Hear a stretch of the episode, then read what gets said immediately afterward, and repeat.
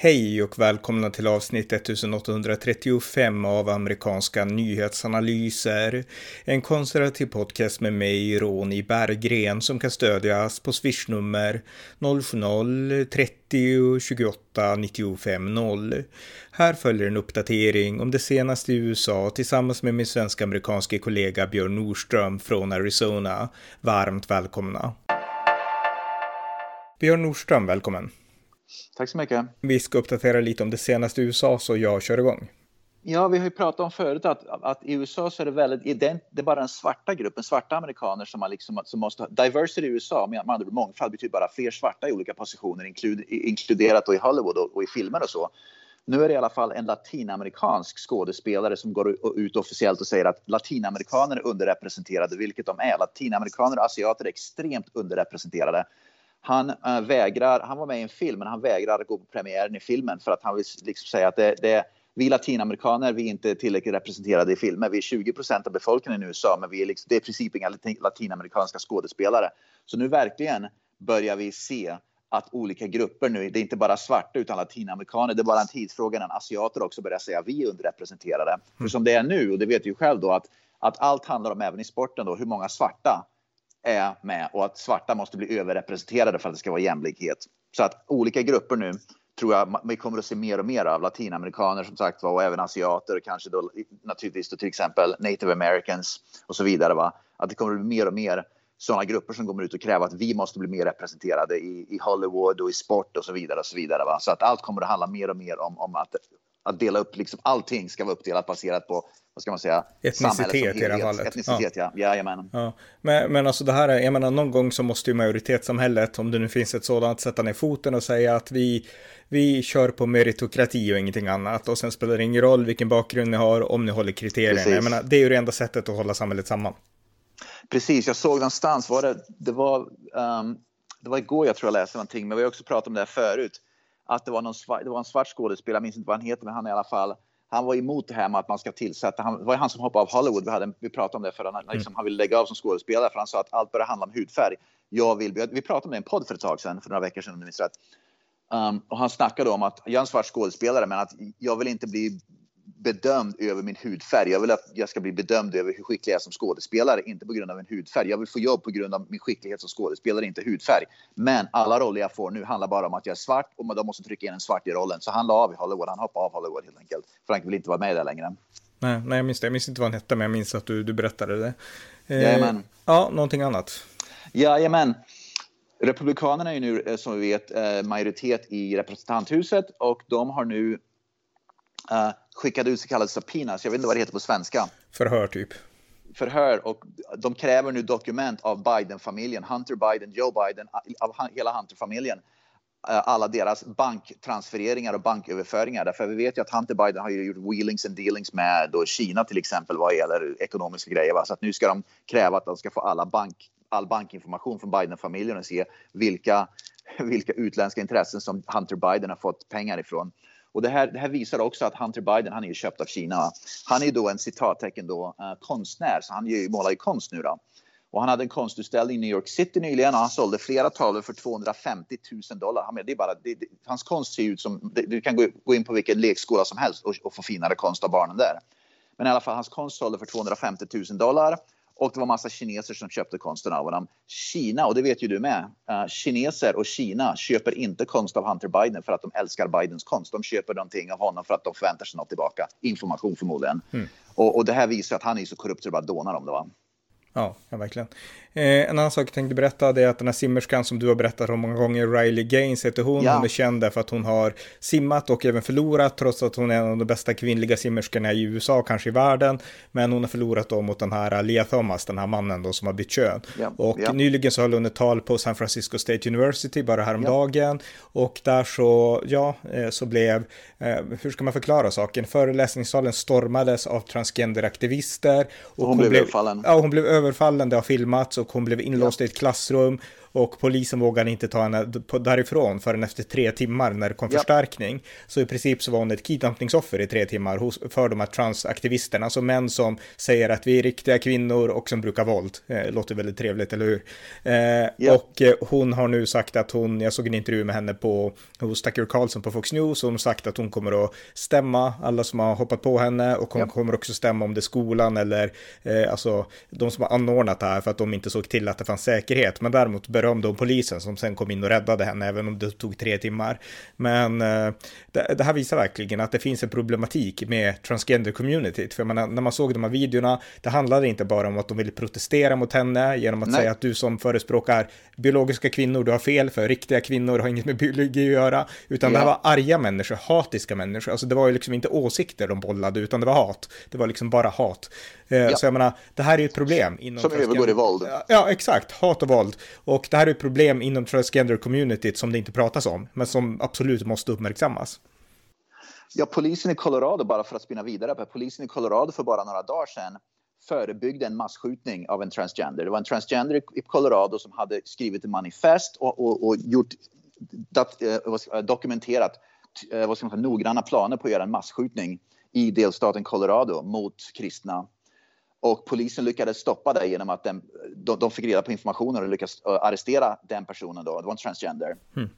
Uh, och den personen också var en kommunist, har då kommunistiska manifestet som sin förebild och så vidare. Va? Så vi pratar alltså om, det är inte bara transgender utan ofta så ligger det en, en, vad ska man säga, en ideologisk agenda, precis som Black Lives Matter, marxism, kommunism, socialism bakom. Mm. Och de går till attack då mot, vad ska man säga, kristna till exempel då, men även då mot det amerikanska samhället i det här fallet. De vill, det vi pratade om förut med att Black Lives Matter i grunden handlar inte om att man vill, man vill försöka hjälpa då svarta människor, det vet vi ju redan va? Utan det handlar om att de vill, de vill förstöra det, demokratin och samhället som det är och bygga upp ett slags nytt samhälle baserat på deras galna ideologier. Va? Mm. Så att vi kommer att se eh, fler av sådana här massskjutningar och så vidare. Så vi är tyvärr, tyvärr riktade mot framförallt kristna. Då. I USA så börjar i folkmun så kallar man nu de här transgender för uh, uh, transterrorists. Ja, och det är synd att man ska behöva göra det, för återigen, det, jag har försökt upprepa i några poddar nu, alltså att jag har ingenting emot individuella personer som vill vara transgenders, men det finns inom den här rörelsen känslor som har, liksom, det finns mycket hat här, och det kanaliseras ja. inom, alltså på liksom kollektiv nivå, pratar nu, inte individnivå, men liksom, och det finns också, eh, läste om det var Andy New eller någon annan som skrev om det, att det finns också en konspirationsteori som sprids inom den här rörelsen om att ja. eh, andra är ute efter dem, att andra vill förinta dem, och därför måste ja. de försvara sig själva. Så att jag menar, de upplever paranoia liksom, att vi är hatade, vi är förföljda och nu måste vi ta till vapen för att skydda oss. Och det här är ju liksom objektivt sett inte sant, även om det säkert finns enskilda incidenter av hat. Men liksom den här idén om en konspiration, den är ju inte sann. Men de tror på den och den gör att de liksom sticker taggarna utåt. Så jag menar, det här är liksom, det är en problematisk miljö, för det är exakt så här liksom högerextremister och andra extremister också tänker, alltifrån islamister, Putin tänker så här, paranoian. Eh, så jag menar, det här är ju ett problem som måste belysas. Och eh, av allt att döma så verkar Biden-administrationen totalt blind för den, för den här liksom, sidan av myntet. Och det var ju precis det här som om du minns när Black Lives Matter och de här AFA och allting, de, mm. de brände ner städerna i USA för ett par år sedan. Va? Det var ju för att de skulle då, det var, det var, det var okej okay, därför att det var fascister man skulle ge sig på. Va? Alla, alla som inte var med oss, de är fascister. Va? Och då var det okej okay att bränna ner städer och förstöra byggnader och bränna bilar och allt sånt där och bränna ner halva USA va? därför att man gav sig på fascister. Va? Och det är precis samma paranoia vi ser nu. Va? Så att det, bara, det, det är inte längre Black Lives Matter utan det är Trans Lives Matter som det kallas i, i den rörelsen nu. Va? Mm. Och då är det samma paranoia. Man ska ge sig efter fascisterna, man ska ge sig efter transhatarna. Va? Skillnaden här som vi ser, det är precis som i Sverige. Va? När, när till exempel Sverigedemokraterna, de har blivit utsatta av vänstern, det vet vi väl, tegelstenskastarna i vänstern då för väldigt mycket våld. Men, ett, men när vänstern håller föredrag och så vidare, det är inte så att Sverigedemokrater går dit och begår våld. Va? Det är alltid våldet kommer från vänster, precis samma här i USA. Det är inte kristna eller republikaner eller konservativa som begår våld när det är vänsterliberala talare som kommer till universitet och så vidare. Va? Mm. Det sker helt enkelt inte. va det som sker, det är precis det vi ser. Det är de här äh, extremgrupperna på vänsterkanten som begår våldet. Men tyvärr, precis som i Sverige, Socialdemokraterna, Vänsterpartiet, Miljöpartiet, Liberalerna, de liksom struntar i det där. De, de, det liksom, de bryr sig inte om sånt där. Va? Det, våld får bara det är liksom det, det, det, vad ska man säga, det vänder man ryggen till. Precis här i USA, Demokraterna och Joe Biden och så vidare, de vänder ryggen till precis det som hände i, med den här transrörelsen nu. Man, man vågar liksom inte ta, ta liksom ställning i det eller göra rätt. Man törs inte det. Nej, och jag tror inte att man förstår vad som är rätt i det här fallet, utan man tror bara på narrativet att de här är förföljda för det är en minoritet liksom. Alltså man Precis. kan inte inse att det är liksom, om man är vit, kristen, då, då måste man automatiskt vara förtryckaren om man är vänsterliberal ja. liksom. Och det är det som är problemet här, mentaliteten hos demokraterna i synnerhet då. Eh, ja, något annat? Jajamän, jag såg att domaren, det här är, men det är ingen större summa pengar, va? men domaren som överser fallet med Donald Trump då, i delstaten New York angående de här hashmannen med Stormy Daniels. Den domaren har donerade 15 dollar till Joe Bidens eh, presidentvalskampanj 2020. Nu är väl inte summan 15 dollar speciellt mycket, men det signalerar ju vilken sida han är på vad gäller Donald Trump. Mm. Ja, ja, visst. Uh, ja, något mer? Uh, ja, jag har en hel del grejer här. Um, du vet, jag, vi nämnde i förra podden att, jag kanske nämnde, jag kommer inte riktigt ihåg, men det var en, en, en känd, eh, en rik person i, i, som företag, en entreprenör i staden San Francisco i alla fall som blev överfallen och mördad. Mm. överfallen på gatan och mördad nyligen, bara knivmördad i San Francisco. Och i alla fall, nu är det en, flera demokrater till och med i San Francisco. Flera demokrater, inte bara demokrater som går ut och säger att San Francisco är ett helt åt helvete. På grund av att, att, att sånt här kan ske mitt på gatorna nu längre. Mm. Ja, eh, de vaknar upp sakta men, men bättre sent än aldrig. Ja, precis. Det är väl lite grann som Carola ungefär i Sverige när hon har börjat vakna upp 20 år för sent. Så det är väl samma sak. Ja, precis. Ja, något mer? Ja, på ett universitet i staden Albany i New York så, så förstörde en, en grupp vänsterliberaler, vänstern då, en bibel. Man, man förstörde en bibel på, på, i offentligheten. Så att slita sönder en bibel är helt okej okay nu. Naturligtvis samma vänsterliberaler eh, skulle ju inte våga slita sönder en, en koran naturligtvis, men en bibel vågar man slita sönder. Mm. Så att, um, ja. Ja, det, exakt. Och den dubbelmoralen, den, är, den, den, den, i sig säger ju liksom dels att kristna är ganska vänliga, kärleksfulla ja. och eh, dels att eh, den andra sidan, islamisterna, kanske inte är precis. det. För då hade de inte, alltså nej, precis. Precis. Ja. En sak som också visar hur galet det här har blivit, det var en... en... Men du, vänta stopp, jag måste skjuta in en sak som jag kom på också ja. här, alltså jag kom på det nu spontant när vi pratar om det här. Det var en intervju nyligen med den här eh, Richard Dawkins, den här kända artisten, han är britt då, och eh, han intervjuades av Piers Morgan Morgan, den här brittiska journalisten som ja. är ganska känd i USA också. Ja. Och han fick då en fråga, dels om den här brittiska Shemima Begun, tror jag hon heter, den här brittiska Isis-flickan, kvinnan, som åkte ja, till kalifatet och förlorat sitt medborgarskap. Han fick en fråga om henne och så fick han en fråga om knivattacken mot Salman Rushdie i New York. Han hade mm. ju föreläsning förra sommaren. Och eh, Richard Dawkins vägrade svara. Han, han liksom, han, han, han, först var han helt tyst och sen när han pressades så sa han att jag vill inte prata om det här. Och Piers Morgan insåg ju att du vågar inte för du inser att jag det kan finnas en hotbild. Och jag menar, ja. här har vi ju liksom, det säger allt, därför att Richard Dawkins han har kritiserat kristendomen i årtionden, ja. hetst och ja. liksom radikalt och han är aldrig rädd för han vet att kristna kommer aldrig att hoppa på honom. Men när det blir våld på nära håll, när islamismen har kommit till Europa, jag menar det är ett Europa helt annorlunda än det Europa han växte upp i, eh, så då vågar han inte. Så jag menar, det säger också ganska mycket. Det säger dels vart utvecklingen håller på att gå. Det visar också att om vi inte vågar ens prata om det, då vet vi att det kan vi inte göra någonting åt det heller. Då kommer Nej. det bara fortsätta och bli mm. värre. Mm. Ja, något mer? Jajamän. Uh, i, här i delstaten Arizona så var det en, skol, en ledare för en skolstyrelse på lokal nivå i alla fall, så kallad superintendent. Han råkade skriva ett e-mail till, till skolstyrelsen och han kallade personerna då, han, han nämnde ordet ladies and gentlemen, damer och herrar. Han blev sparkad därför att skolstyrelsen ansåg att det är alltså en vänsteraktivistisk skolstyrelse. De ansåg att damer och herrar, det är att sätta kön på folk. Det, är liksom, det finns mer än två kön. Så han blev sparkad. Och det visar hur, oh, det är galet alltså. Det var en rektor alltså, eller vad var det för något sa du? Skolstyr han är super, kallas för superintendent, han är vad ska man säga, han är vad ska man, högsta chefen för kommunernas skolor. Okej, okay, okej. Okay. Ah, han, är anställd, han är anställd av kommunen, högsta chef för, skolornas, eh, för kommunens skolor. Okay. Så man får inte säga damer och herrar längre tydligen i den, i den kommunen. Nej, just det. Ja, något mer? Den rikaste personen i staden Chicago, den rikaste personen i delstaten Illinois, han bor i Chicago, han heter Ken Griffin. Han är värd tror jag 22 miljarder dollar, miljarder med. Så han är då 220 miljarder svenska kronor då.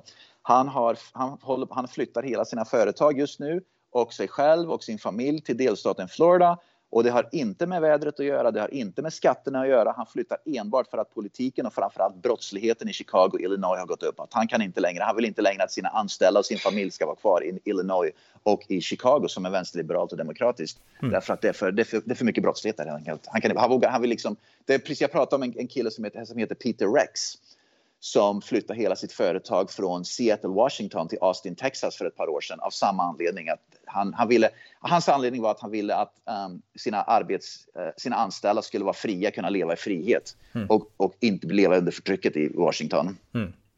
Ja, eh, precis. Något mer? Ja, vänsterliberalerna stormade Tennessees, eh, delstaten Tennessees kongress för några dagar sedan. De var tydligen förbannade på att eh, republikanerna där, det var tydligen, de hade någon slags debatt i kongressen och det var några demokrater, tre demokrater som misskötte sig, och började gapa och skrika och betedde sig. Med andra ord, de följde inte reglerna för hur man håller en, en civiliserad debatt. Så republikanerna beslutade sig för att de skulle stänga av de demokraterna, med andra ord kasta ut dem från kongressen under dagen därför att om ni inte kan sköta er och bete er och följa, vad ska man säga, praxis och reglerna som finns i kongressen, då, då måste vi skicka ut er från kongressen. Då var det en massa vänsterliberaler som bokstavligen stormade kongressen. Mm.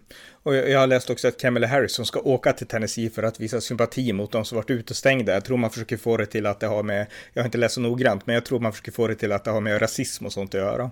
Ja, det har det ju inte i grund och botten. Man ska följa vissa regler och hålla på, så gör man inte det. Är man ett minoritetsparti då får man liksom finna sig i att ibland kanske man blir överkörd, ibland får man kanske inte säga och liksom göra precis det man vill. Va? Det är ju precis det Republikanerna fick, vad ska man säga, blev utsatta för i kongressen under Demokraternas tid under ett par år.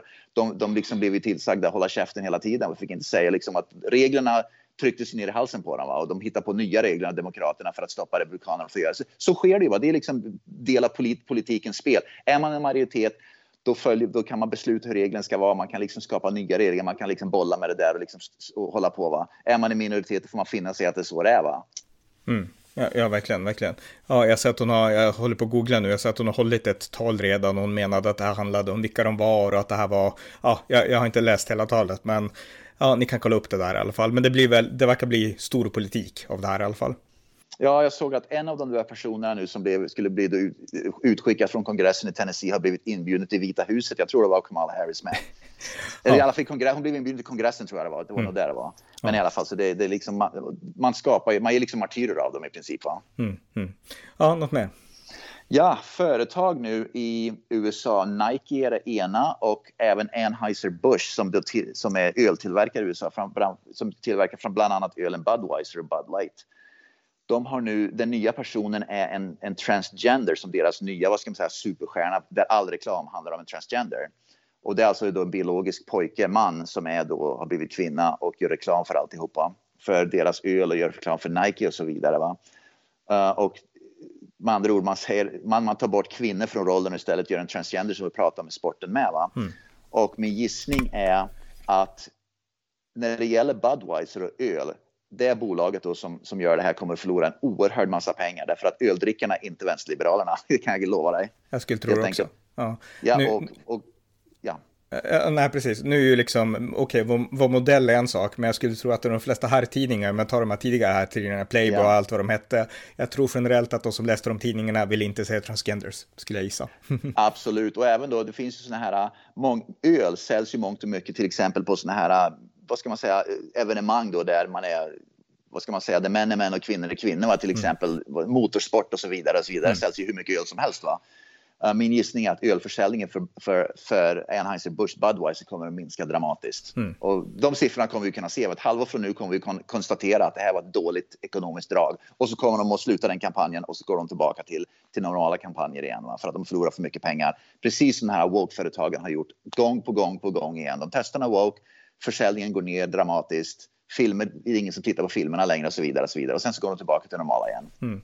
Nej, alltså låt mig göra en instickare till här, därför att jag menar, vi, vi pratar från två olika liksom, länder. Jag bor i Sverige, då bor du i USA, nu är du svensk också visserligen, men, men liksom, vi pratar från två olika länder och jag menar, det är generellt, det som man tycker är häftigt med USA, jag menar, när du reste till USA på 90-talet eller när det var, när du flyttade över, det måste ha berott yeah. på en anledning. 93, ja. Ja, okej, okay. och de flesta, nu vet jag inte dina anledningar, du får gärna berätta dem, men i, i de flesta fall så tycker svenskar att USA är coolt, generellt förr i tiden, för att USA var ett land där folk hade pengar, det fanns stora bilar, stora liksom byggnader, yeah. vacker natur, stora landskap, fri marknad, liksom en fri, fri livsstil utan tvekan, men samtidigt majoritetssamhälle som höll samman med vissa värderingar och vissa yeah. idéer och sånt där som var helt osvenska, men ändå liksom tilltalande och lockande. Och jag menar, vi som gillar USA, som nu tycker att med transgenders är liksom, eh, det här är inte bra, att de ska ta över allt. De får gärna finnas, men vi är kritiska till att de tar över allting. Det beror på att vi gillar just den här klassiska amerikanska kulturen. Amerikaner som kör bil, som dricker öl och som yeah. liksom går på sport utan att slåss. Och alltså, yeah. Vi gillar liksom det här klassiska, typiska amerikanska. Vi älskar det liksom. Och vi tycker inte om att det utsätts för attack, så som fallet är. Så det är liksom därför jag gärna vill liksom lyfta fram det här.